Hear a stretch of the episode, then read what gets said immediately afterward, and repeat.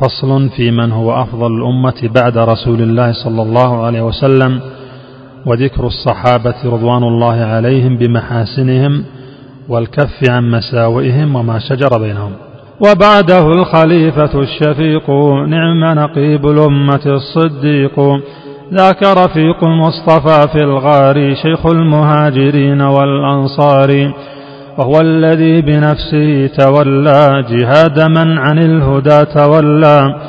ثنيه في الفضل بلا ارتياب الصادع الناطق بالصواب.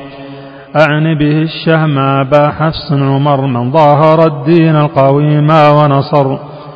الصارم المنك على الكفار وموسع الفتوح في الأمصار ثالثهم عثمان ذو النورين ذو الحلم والحياء بغير مين.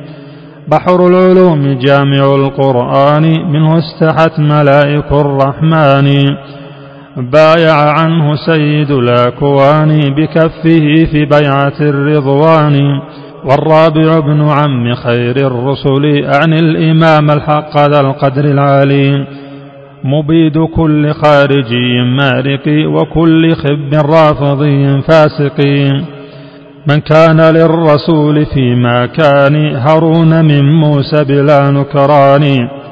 لا في نبوة فقد قدمت ما يكفي لمن من سوء ظن سلما.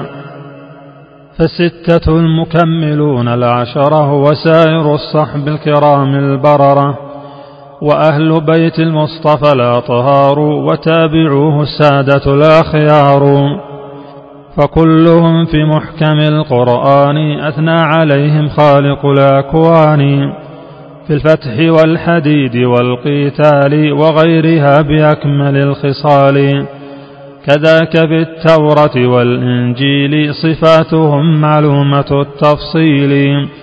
وذكرهم في سنة المختار قد سار سير الشمس في الأقطار. ثم السكوت واجب عما جرى بينهم من فعل ما قد قدر. فكلهم مجتهد مثاب وخطئهم يغفره الوهاب.